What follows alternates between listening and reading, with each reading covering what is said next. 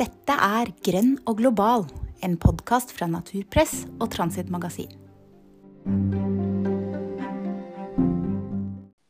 Velkommen til en ny episode av podkasten Grønn og global. I dag skal vi snakke om eh, vaksiner. Eh, mer presist den enorme ulike tilgangen. Enkelte land får ikke vaksinert sin befolkning før vi nærmer oss 2022, mens andre land er mer enn eh, godt i gang. Vi er som vanlig to programledere. Jeg heter Terje Karlsen og er redaktør i Transit, magasinet med det globale perspektivet. Og jeg heter Kjetil Åsmundsson og er redaktør i Naturpress, den grønne dagsavisa. Det er ingen tvil om at fattige land står bakerst i vaksinekøen. Eh, mens rike land har bestilt eller kjøpt inn vaksiner nok til å kunne vaksinere egen befolkning flere eh, ganger. For å sørge for en, en rettferdig omfordeling har det internasjonale samfunnet ulike verktøy med forkortelser som COVAX, Gavi, CEPI og avgjørende beslutninger gjøres i organisasjoner som WTO, og det har eh, kommet med anklager om vaksinenasjonalisme fra WHO. For å sortere forkortelser og for å forklare hva som nå kan og må gjøres, har vi invitert Erlend Grønningen, lege og feltarbeider fra Leger uten grenser. Kan du fortelle litt om, mer om din bakgrunn, Erlend? Og velkommen for øvrig. Jo, takk Kjetil og Terje for å si takk for at jeg ble invitert. da. Eh, bakgrunnen min er at jeg er lege, spesialist i indremedisin og lungesykdommer. Og så er jeg doktorgradsstipendiat ved Senter for internasjonal helse, Universitetet i Bergen, hvor jeg forsker på noe litt annet. Eh, tuberkulose og tuberkulose utenfor lungene i en eh, setting hvor det er mye hiv i Tanzania. Og så har jeg vært feltarbeider for Leger uten grenser i Sør-Sudan og Afghanistan. Og så har jeg sittet i styret i Leger uten grenser i Norge. Og nå sitter jeg som eh, medlem av da, eh, Leger uten grenser sin generalforsamling internasjonalt. Da. Så det er mye forskjellig i forskjellige deler av verden. Det høres ut som du er en eh, riktig person til å hjelpe oss med å sortere. for jeg, det er, det er komplisert, et tema. Men la oss starte med det grunnleggende. I norske medier for øvrig så er man jo veldig opptatt av fordeling av vaksiner i Norge. Og spør om vi bør gjøre som enkelte andre land og kjøpe vaksiner direkte fra produsentene.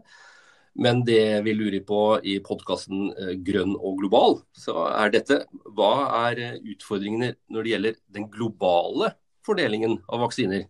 Erlend?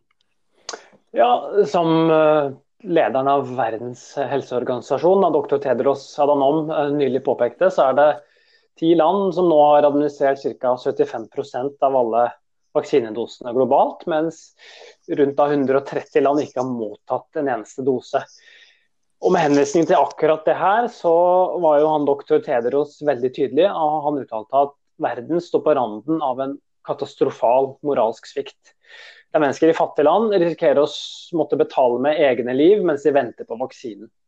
Eh, og det vi ser er at Vestlige land de satser på å oppnå flokkimmunitet i sine befolkninger gjennom vaksinering før de fattigere deler av verden har mottatt vaksiner. Og Det innebærer da bl.a. at eh, friske voksne i Vesten, eh, i Europa, i Norge uten risikofaktorer for alvorlig sykdom og død, vil være ferdigvaksinert før mennesker i risikogrupper og kritisk helsepersonell i lavinntektsland er vaksinert. Og Det er jo ikke i tråd med hva man mente ville være en god fordeling av vaksinen da man diskuterte fordelingsspørsmålene i, i fjor høst og fjor sommer. da. Men hvordan kom vi hit igjen? Hvorfor er vi der igjen? At verdens fattigste land står liksom bakerst i køen i en krise. Ja, Det er jo flere, flere, ting som er å spille inn der. da. Vi har jo en global pandemi som i stor grad har ramma vestlige land. og De fleste landene med høyest antall dødsfall og tilfeller per million er høyinntektsland i Vesten. Og Dette er land med sterk økonomi og i mange tilfeller hjemlandene til store deler av verdens legemiddelindustri. Og når man da i starten, hvis vi husker tilbake til mars-april i fjor, ikke hadde vaksiner, ikke hadde medisiner, så var det helt avgjørende at de rikere landene påtok seg stor risiko gjennom foravtaler med legemiddelindustrien. Da. Sånn at industrien kunne utvikle vaksiner og medisiner med mindre økonomisk risiko. Da. Og Parallelt så ønska man jo helt riktig at vi skulle ha noen sånn overordna systemer som sikra de fattige, at det ikke bare var den som hadde mest penger fikk kjøpe, kjøpe vaksiner. og Det skal vi jo røre litt inn på senere. Men det vi så når at vaksinene var klare, var jo at disse foravtalene og samtidig raske reguleringsprosesser i vestlige land gjorde at vaksinene da gikk til Vesten. Og før man hadde vaksiner, så hadde man diskutert da, hva, hva skal vi ta hensyn til når vi skal fordele vaksinene, som vi visste ville være en knapp vare. Og Da mente man jo selvfølgelig at det å redde liv, det var det overordna målet. Og for å redde liv så var det jo da naturlig at de som hadde mest uh, infeksjoner, skulle prioriteres. Men samtidig så måtte man ta hensyn til noe som vi kan kalle sårbarhet da, i et land eller et samfunn. Og Det går mer på, da, på helsevesen, på økonomi, på ressurser, på, på, evnen til å stenge ned uten at det kan få katastrofale konsekvenser. Og også da helsevesenets evne til å takle ekstrautfordringer. Og Dessverre så virker det som om den sårbarheten eh, i forskjellige samfunn den har havna litt i baksetet nå. Eh, og det ser vi nå. I skyggen av covid så skjer det ganske dramatiske ting. Vi ser at barnevaksinasjonsprogram stopper opp. Vi ser at antallet tuberkulosetilfeller som oppdages, går ned. Vi ser at tilgang på trygg medisinsk abort og fødselshjelp eh, går ned.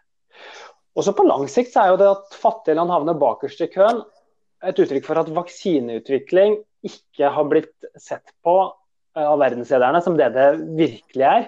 Det her er jo egentlig beredskapsarbeid. Uh, det internasjonale apparatet som skal sørge for, for, en global omfordeling av vaksiner, ser komplisert ut. I hvert fall gjelder det for min del. Eh, det handler om vaksinesamarbeidet Covax, eh, som er et initiativ fra Verdens helseorganisasjon. Og med Bill Gates-stiftelsen Gavi som samarbeidspartner. Nå har du sagt eh, litt allerede i ditt forrige svar, men, men kan du forklare hvordan Covax og vaksinefordelingen er tenkt å fungere? Kjetil, det med forkortelser, det er ikke noe nytt. Det er bare velkommen til eh, verden av internasjonal helse. Men eh, dette Covax da, det er jo tenkt å være vaksinearmen av på en måte sånn bredere internasjonalt samarbeid, eh, som vi kalte Akt A. Så der har du enda en forkortelse. Men eh, tanken i starten her var jo veldig god. At uh, Gavi, den verdens vaksineallianse, sammen med Verdens helseorganisasjon, og CEPI og deres samarbeidspartnere skulle sørge for innkjøp og fordeling av verdens vaksiner. Man skjønte jo tidligere at en ren sånn markedsmessig tilgang til innkjøp, produksjon, oppbygging av produksjonskapasitet ville føre til at verdens fattige stilte bakerst i køen. Og så Gitt den der beskrevne liksom, sårbarheten som vi var inne på, så var jo det der helt avgjørende. For et land som eksempelvis Malawi har tre leger per 100 000 innbyggere. Norge har ca. 300. Man har ingen velferdsstat, mange lever fra hånd til munn. Og de siste årene har man kanskje akkurat kommet seg over fattigdomsgrensa, i tråd med at ekstrem fattigdom reduseres. Helsevesenet driver kanskje kun med livreddende øyeblikkelig hjelp, mindre grad med planlagt aktivitet, sånn som i Norge. Og befolkninga er ung, som betyr at det er færre i arbeidsfør alder. Og Sammen så gjør jo det her at samfunnet er sårbart for ekstrabelastninger. Og det å skulle isolere seg, stenge ned, vil få veldig dramatiske konsekvenser. Da. Og Det var helt avgjørende at det initiativet ble lansert. Og Norge tok en lederrolle, og det skal norske myndigheter ha stor ros for. Slik jeg har forstått det, så er, er Covax underfinansiert. Uh, vil Covax klare å nå målet om å bestille, kaupe og distribuere vaksiner nok uh, til å skape såkalt flokkimmunitet? Vi skulle veldig ønske at uh, vi kunne si ja på det her, da, men dagens vaksinegap det står vel egentlig i sterk kontrast til ambisjonene man hadde i starten av pandemien. Og Da verdens ledere og helseeksperter oppretta det samarbeidet her, så var det jo for å sikre at vaksiner ble rettferdig fordelt mellom fattige og rike. Eh, og Dessverre så tok det som vi nå kaller vaksinenasjonalismen over i mange rike land. Og land som USA, Storbritannia, Canada og EU-landene, som Norge kjøper vaksiner gjennom, kjøpte opp majoriteten av vaksinene eh, som kom eh, og de kandidatene som hadde kommet lengst i forløpet, da, som eksempelvis Pfizer og Moderna. Og Det svekka jo Covax som en felles løsning for hele verden. Eh, og sånn som det ser ut nå, så vil det kunne tilby vaksiner til en liten andel av befolkningen i verdens eh, fattigste land. Og man legger opp til en lavt, lang, lavere vaksinasjonsdekning enn i Vesten. Og tempoet ser ut til å være altfor lavt. Eh, vi snakker jo bl.a. med eh, en kar som heter Degama, som vi skal komme litt inn på senere. Som er Sør-Afrikas representant i dette WTO, Verdens handelsorganisasjon. Og han er sitert på følgende at veldedighet er ikke løsningen, uansett hvor mye penger giverland eh, kaster på problemet. For det hjelper ikke å ha penger hvis det ikke er noe å kjøpe. Eh, og ikke nok med at penger ikke hjelper, men det er underfinansiert, som du, som du eh, skisserer her. Og Samtidig så er det viktig å huske at produksjonskapasitet det er et problem for alle, ikke bare utviklingsland. Vi ser jo nå at man også i Norge står og venter på, på vaksiner. Da. La oss eh, gå inn på et litt mer kanskje teknisk, juridisk teknisk tema, Erlend. Eh, patenter. Det har det jo vært en del snakk om de siste månedene. Patenter på medisiner. Eh, det er ikke et nytt tema, eh, ikke Verdens handelsorganisasjon heller. For der er det jo et regelverk som regulerer såkalte immaterielle rettigheter. TRIPS-regelverket, tror jeg det heter. Det er igjen nok en forkortelse. TRIPS. Og i desember tror jeg det var, november-desember i fjor, så fremmet India Sør-Afrika overfor WTO et forslag om at organisasjonen og verdensland skulle se bort fra patentrettighetene på, vaksiner. I hvert fall mens pandemien pågår, altså midlertidig oppheve patentregelverket. Og det åpner, så er det noe som TRIPS-regelverket åpner for i nødstilfeller. da. Ehm, men fortell, hva kunne dette betydd for vaksineproduksjonen eh, å oppheve dette regelverket midlertidig? Ja, Terje, det her er jo viktig å huske at dette er Sør-Afrika og India som kommer og dette, det her oppstår jo ikke et vakuum, da, dette forespørselen her. Hvis vi husker ca. sånn 20 år tilbake i tid, hiv-aids-epidemien, så var jo patentrettigheter Eh, monopol på medisiner, noe av det som hindret tilgang på hiv-aids-medisiner for afrikanere som bodde sør for Sahara. Da. Og Der var det effektive hiv-aids-medisiner fra midt på 90-tallet, men de var prissatt til 10 000 dollar om dagen og utilgjengelig. Og ikke før da man begynte å produsere kopimedisiner i 2001, gikk prisen ned til en dollar om dagen. Og Da ble dette fra å være en, en krise hvor da estimert at 11 millioner mennesker døde i det tidsrommet her, mens medisiner fantes, men ikke var tilgjengelig pga. pris, til å bli en tilstand hvor nå eh, kopimedisiner på hiv-aids er bredt tilgjengelige, og hiv-aids har gått fra å være en dødsdom til en kronisk sykdom som man kan leve med hvis man tar medisinene sine. Eh, og så er det samtidig viktig å huske her at når Sør-Afrika og India lanserer dette her i Verdens handelsorganisasjon, så er det ikke sånn at man, man er for dette her, og så må man, må man, være mot Covax. Man kan liksom tro at, at, de initiativene i Covax er viktige, og at man må fortsette på det sporet der, men at man må jobbe for flere ting parallell, da, parallelt. Og dette patentsporet er litt interessant. Hvis vi da på en måte ser for oss følgende nå, uh, Kjetil og Terje. Norge har ikke fått kjøpt vaksiner. Vi står uten vaksiner utenfor EU-samarbeidet. Uh, og så har vi ikke klart å inngå avtaler med Israel eller Russland eller hvem det nå skulle være. Vi står uten vaksiner. Og da foreslår regjeringen Solberg at de vil bygge opp egen kapasitet. Og de vil prøve å produsere egne vaksiner. Men landene som allerede har kjøpt vaksinen, nekter Norge å gjøre dette. Og Jeg personlig tror ikke at eh, nordmenn ville ha, ha, ha tolerert det. Da tror jeg at debattene hadde blitt eh, ganske hete ganske fort.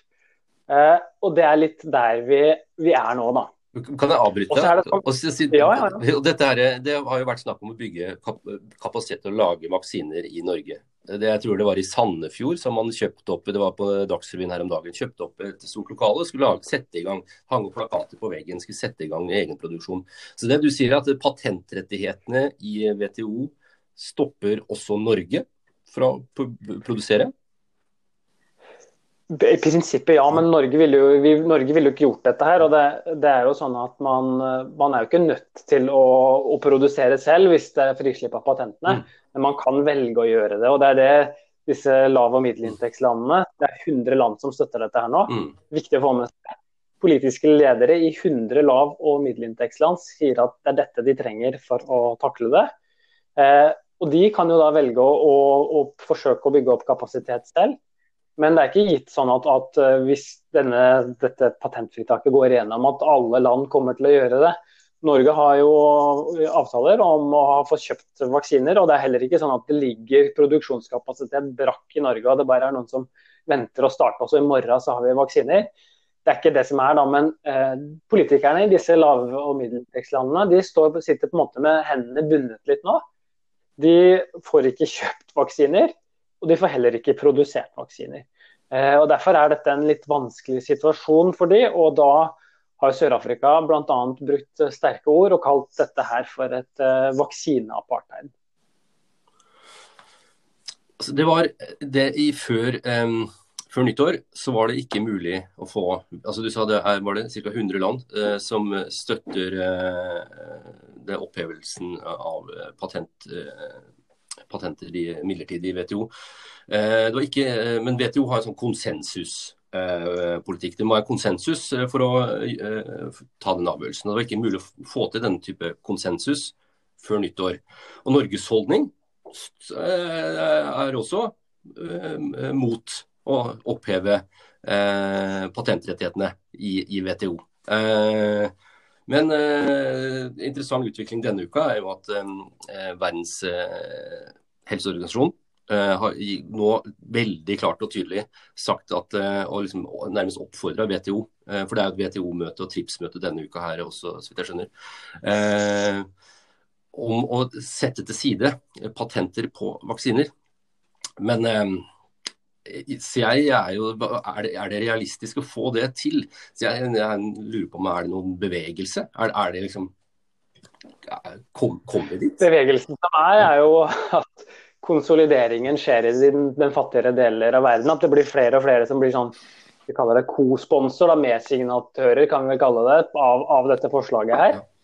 Eh, og Det illustrerer jo også en demokratisk krise, dette her. ikke sant? Det er 100 land som støtter forslaget folkevalgte i 100 land sier at det er det her de trenger for å løse en folkehelsekrise. Mens Vestens ledere, som har sikret vaksiner til egen befolkning, eh, nekter. Og det er jo, øh, Vi er jo i en situasjon nå hvor et hardt smitteramma koronaland, som Sør-Afrika, hvor, hvor det har oppstått en smittefarlig variant, ikke får produsert vaksine de trenger. Og så er det jo viktig å huske at Sør-Afrika hadde jo fått kjøpt AstraZeneca-vaksinen eh, til en høyere pris enn det EU betalte. Men de hadde fått kjøpt vaksinen, og så viste det seg at pga. mutanten så var den kanskje ikke så effektiv som man ønsket. da. Eh, så det, Vi havner fort i en situasjon her nå hvor viruset får fortsette å dele seg i fattigere deler av verden. Man risikerer mutanter som gjør at kanskje vaksinene ikke er like effektive. Og da er det jo heldig at noen av de nye vaksinene som kommer nå, som bruker da denne mRNA-teknologien, sannsynligvis er lettere å tilpasse. Det er lettere å produsere. Eh, og da mener vi, og det mener 100 eh, lav- og middelinntektsland, at det haster å få spredd denne teknologien ut, sånn at man også kan lage lokale tilpasninger. For det vi frykter nå, er jo at Vesten, som har kjøpt opp mye vaksiner, eh, mange ganger flere vaksiner enn det de vel behøver selv, gitt at alle i befolkningen trenger én til to doser, så kan man havne i en situasjon hvor noen vaksiner ikke er effektive, og man må revaksinere befolkningen for å dekke opp for mutanter.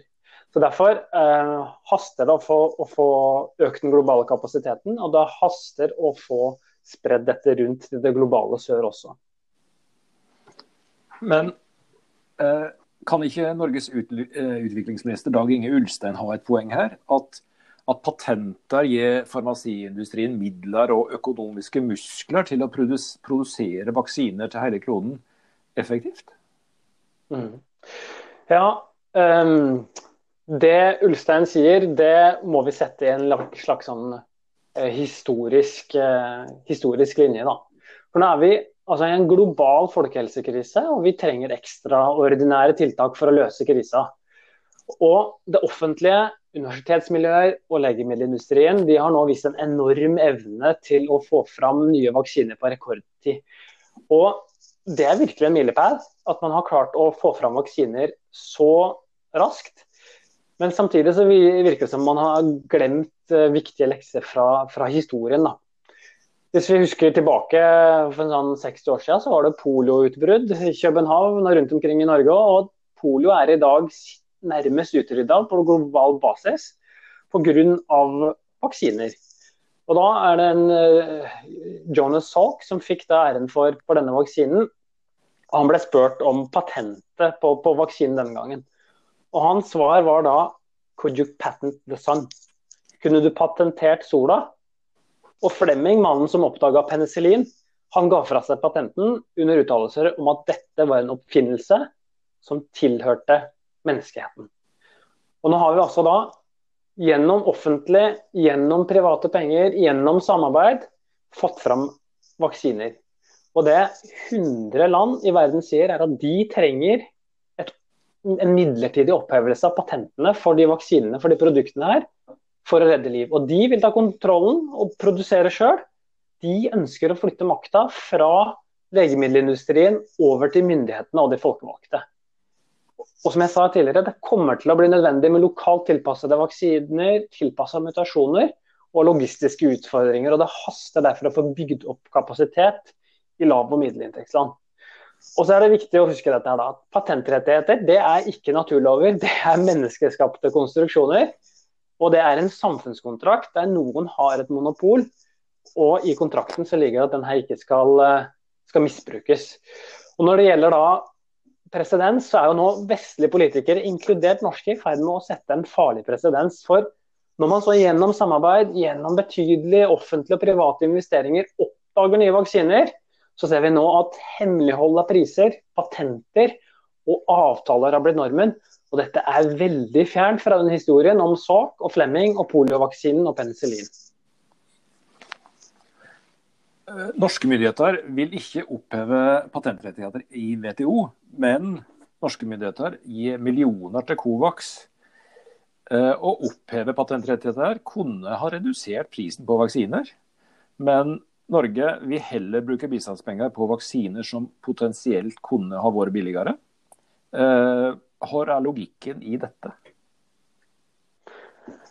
Ja, Norsk eh, bistandspolitikk har vært tydelig forankra i denne Gavi, eller vaksinealliansen, og CEPI-linjen, og nå i Covax. og Det er jo et eh, politisk eh, valg og veier for å oppnå et mål. Um, og, det målet, og målet til slutt har jo vært bedre vaksinasjonsdekning i fattige land og nye vaksiner. Og man satser på samarbeid. Uh, og så har ikke vi i Leger uten grenser alltid vært enige at dette har skaffa den lavest mulige prisen. Litt lignende det du skisserer her, så har jo vi diskutert litt eh, rundt en lungebetennelsesvaksine tidligere. Om, om, prisen da ble billigst gjennom disse initiativene her, eller gjennom å kjøpe kopipreparater. da. Eh, men noe som bør poengteres her, er jo at covid-19-pandemien det er jo en krise. Altså, det er litt annerledes fra andre ting. Det er ikke utviklingsarbeid. Eh, og når vi da Leger uten kurser folk som skal ut i felt, så er jo det er noe vi ofte understreker, da, at i en krise så er tidsfaktoren helt avgjørende. Og man må kunne endre strategier for å nå måla sine hele veien. Og Vi mener at Covax det var et godt initiativ, men at man ikke når målet. Og Det er jo som jeg har vært inne på her, å redusere død og redde liv gjennom å sikre vaksinetilgang i fattigere deler av verden. Og Da må man endre strategi, hvis ikke så risikerer man å forlenge grisen. Ehm, Erlend, vi har eh, slitt med covid-19 nå i ett år, og vil ha viruset med oss en stund til. Hva er risikoen for at det dukker opp et helt annet virus i 2021, 22, 23, som vi er like hjelpeløse imot igjen?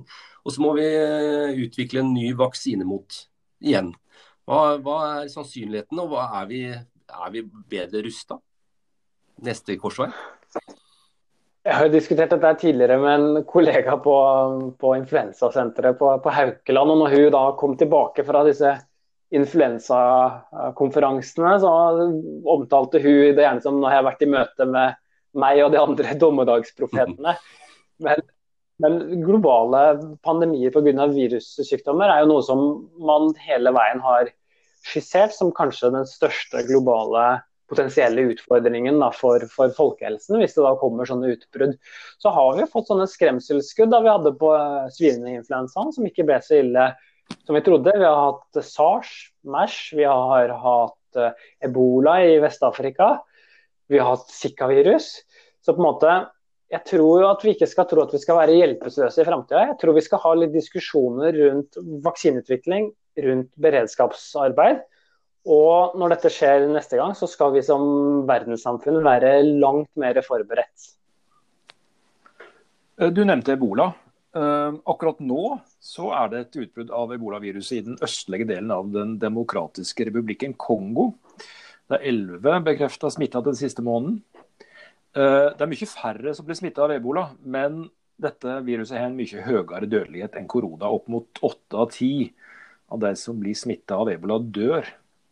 Eh, nå kan du si litt eh, mer om oppdatert status når det gjelder vaksine mot ebola? Ja, ebola er jo en litt farligere type virussykdom som gir sånn blødnings, blødningsfeber. og Vi har jo hatt sånne sporadiske utbrudd i Afrika fra 70-tallet, og så sånn flekkvis litt utover, før man da verdens øyne virkelig var på dette her da i 2014-2015 i Vest-Afrika, hvor det var et stort utbrudd. Og da var det jo en ordentlig krise. Og da så man jo at her må man forske frem en vaksine. Og dette, så ser man da, fikk man informasjon om at Canada hadde drevet og forska på dette. her, Kanadiske staten. Um, med sånn mer bioterrorisme-tankegang. At hvis noen brukte et ebolavirus og, og smalt av en bombe i en stor by, så kunne dette da potensielt lage store problemer. Men da, i forbindelse med utbruddet, så skjønte man da at man kanskje her skulle inngå noen uh, lure avtaler. Og så ser vi jo da at nå gjennom den globale vaksinealliansen, så har jo da dette samarbeidet da mellom den kanadiske staten, mellom, mellom, mellom, industrien og denne vaksinealliansen ført til at man har fått fram en vaksine på, på, kort tid. Og så er det jo litt interessant at man her ser at um, Canadierne så jo ikke primært noe kommersiell interesse i dette her. Det var ikke det som gjorde at man startet å forske på dette her. Og det var heller ingen eh, penger å tjene på dette her, for det var jo sporadiske små utbrudd. Og da var det jo bra at man kan gå sammen og løse et Eh, problem og forske fram vaksiner i, i rekordtid. Da. Da fikk vi egentlig avrunda med en eh, ganske positiv vaksinenyhet. vaksinenyhet. Stor takk til deg, Erlend, for at du stilte opp i denne podkasten. Lykke til videre med det viktige arbeidet som du og dere i Leger uten grenser gjør hver eneste dag. Takk, takk. Da eh, sier vi takk for oss i denne episoden av eh, Grønn og global. Jeg kan garantere at eh, hvis vi går inn på transitmagasin.no, så kommer vi der til å følge den globale uh, tilgangen på vaksiner tett. Um, så gå inn der og, og følg med. neste episode i podkasten Grønn og global kommer om ca. to uker, som vanlig. I denne episoden så har du møtt Erlend Grønningen, lege og feltarbeider i Leger uten grenser. Programledere som vanlig Terje Karlsen fra Transit Magasin og Kjetil Åsmundsson fra Naturpress.